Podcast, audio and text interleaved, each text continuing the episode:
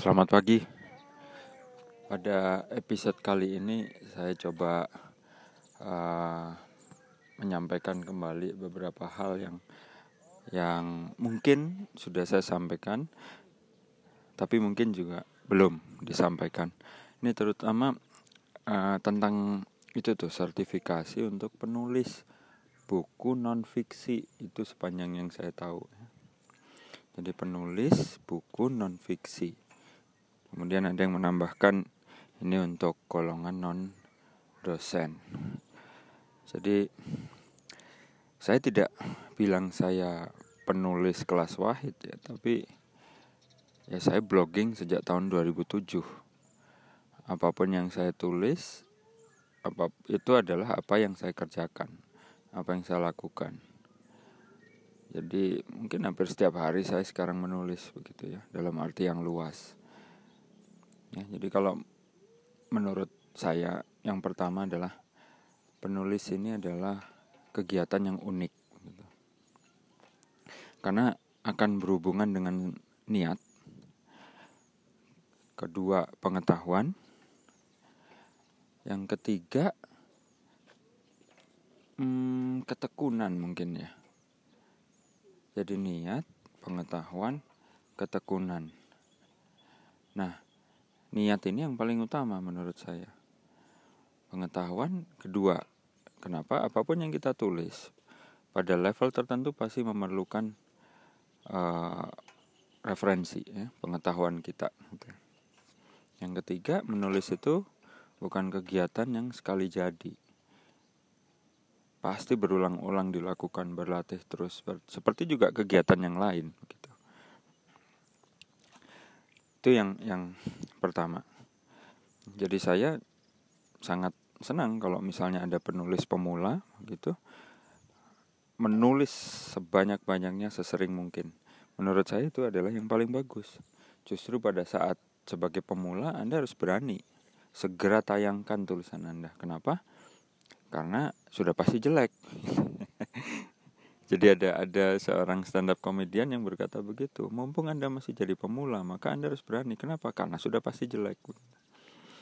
Oke. Kita lanjutkan ya. Karena penulis itu adalah aktivitas, sorry, menulis adalah aktivitas yang unik, maka kalaupun seseorang itu dibayar untuk menulis dan kemudian menjadi suatu profesi, maka profesi itu adalah profesi yang unik juga, begitu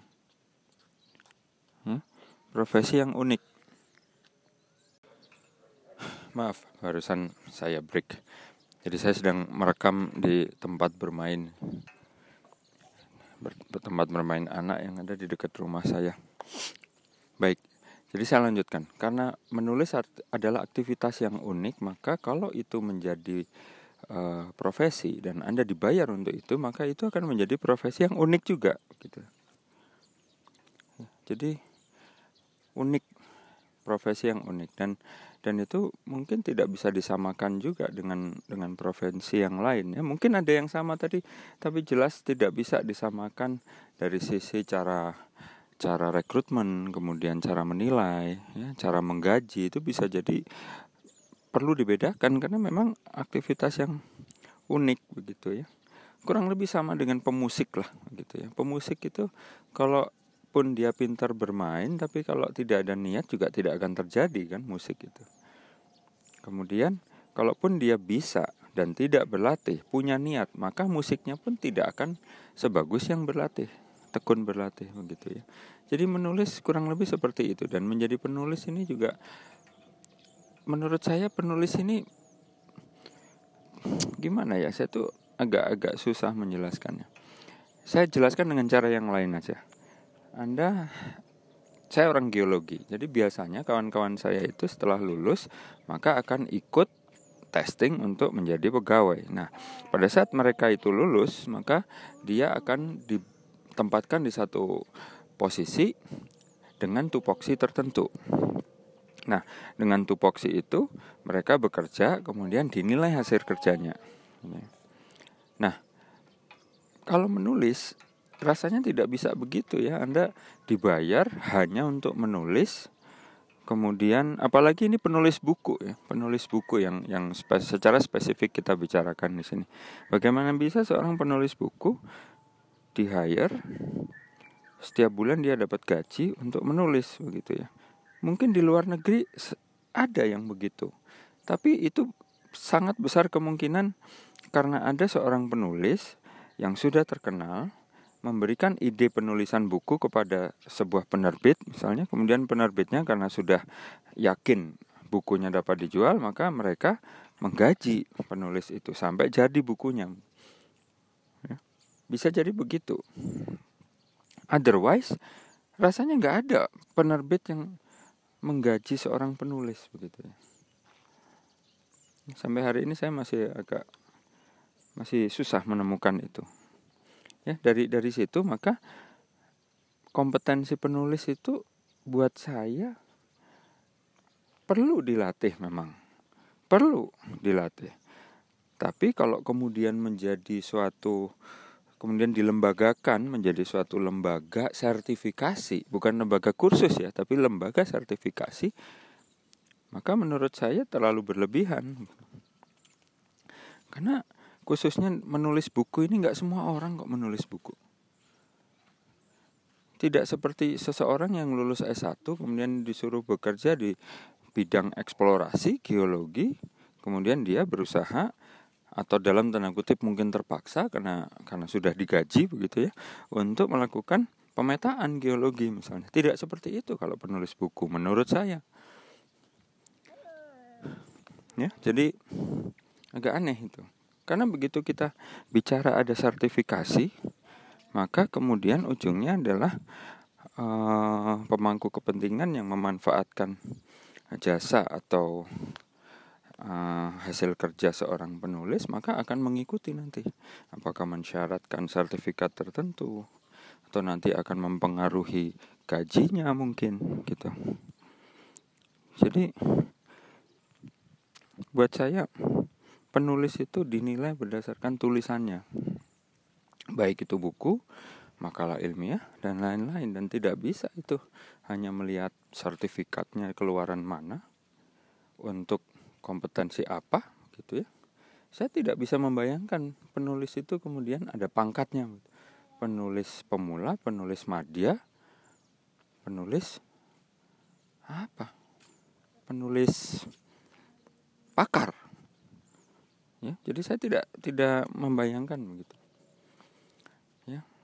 Mungkin orang ada yang bilang penyelam gitu ya. Setara dengan penyelam. Oke penyelam itu memang hobi. Hobi yang untuk kebutuhan tertentu memang bisa itu e, dikembangkan menjadi satu kompetensi. Misalnya penyelam untuk sar begitu ya. Penyelam untuk e, pencarian harta karun jadi memang skillnya itu diperlukan. Dari hobi Kemudian skillsnya diperlukan. Jadi dia dibayar berdasarkan kompetensi dia, gitu. Tapi kan tidak ada nilai apa ya? Tidak ada nilai substansial apa ya? Oke lah, memang penyelam dinilai kalau dia menyelam kemudian berhasil dengan tujuannya begitu ya. Tapi itu masih bisa dikembangkan menjadi suatu profesi yang bisa digaji bulanan gitu. Tapi kalau penulis tetap saja nih saya masih belum bisa. Hap, hap, hap, masih belum bisa mencari padanannya gitu ya. Gitu. Ya. Jadi jelas itu tidak bisa. Nah, karena penulis dan menulis aktivitas itu menulis adalah aktivitas yang unik, maka menilainya pun unik begitu. Dalam hal ini mungkin editor Editor adalah orang yang pertama kali membaca. Nah, sampai di situ saya mungkin masih setuju editor ya, penyunting karena dia bisa saja memang dibayar. Dibayar untuk apa? Untuk bekerja setiap hari menilai hasil tulisan penulis begitu. Ya. Tapi untuk penulisnya sendiri tidaklah menurut saya. Dan saya tidak menganjurkan yang seperti ini kemudian tiba-tiba diadopsi di perguruan tinggi diadopsi di penerbit gitu ya. Menurut saya kok tidak. Kurang lebih seperti itu Apa ya pemikiran saya dan saya juga agak bingung pada saat ini diluncurkan. Sepertinya pada saat sosialisasi atau uji publik itu kurang luas ya. Nah ini mungkin perlu dipahami juga untuk para pembuat kebijakan.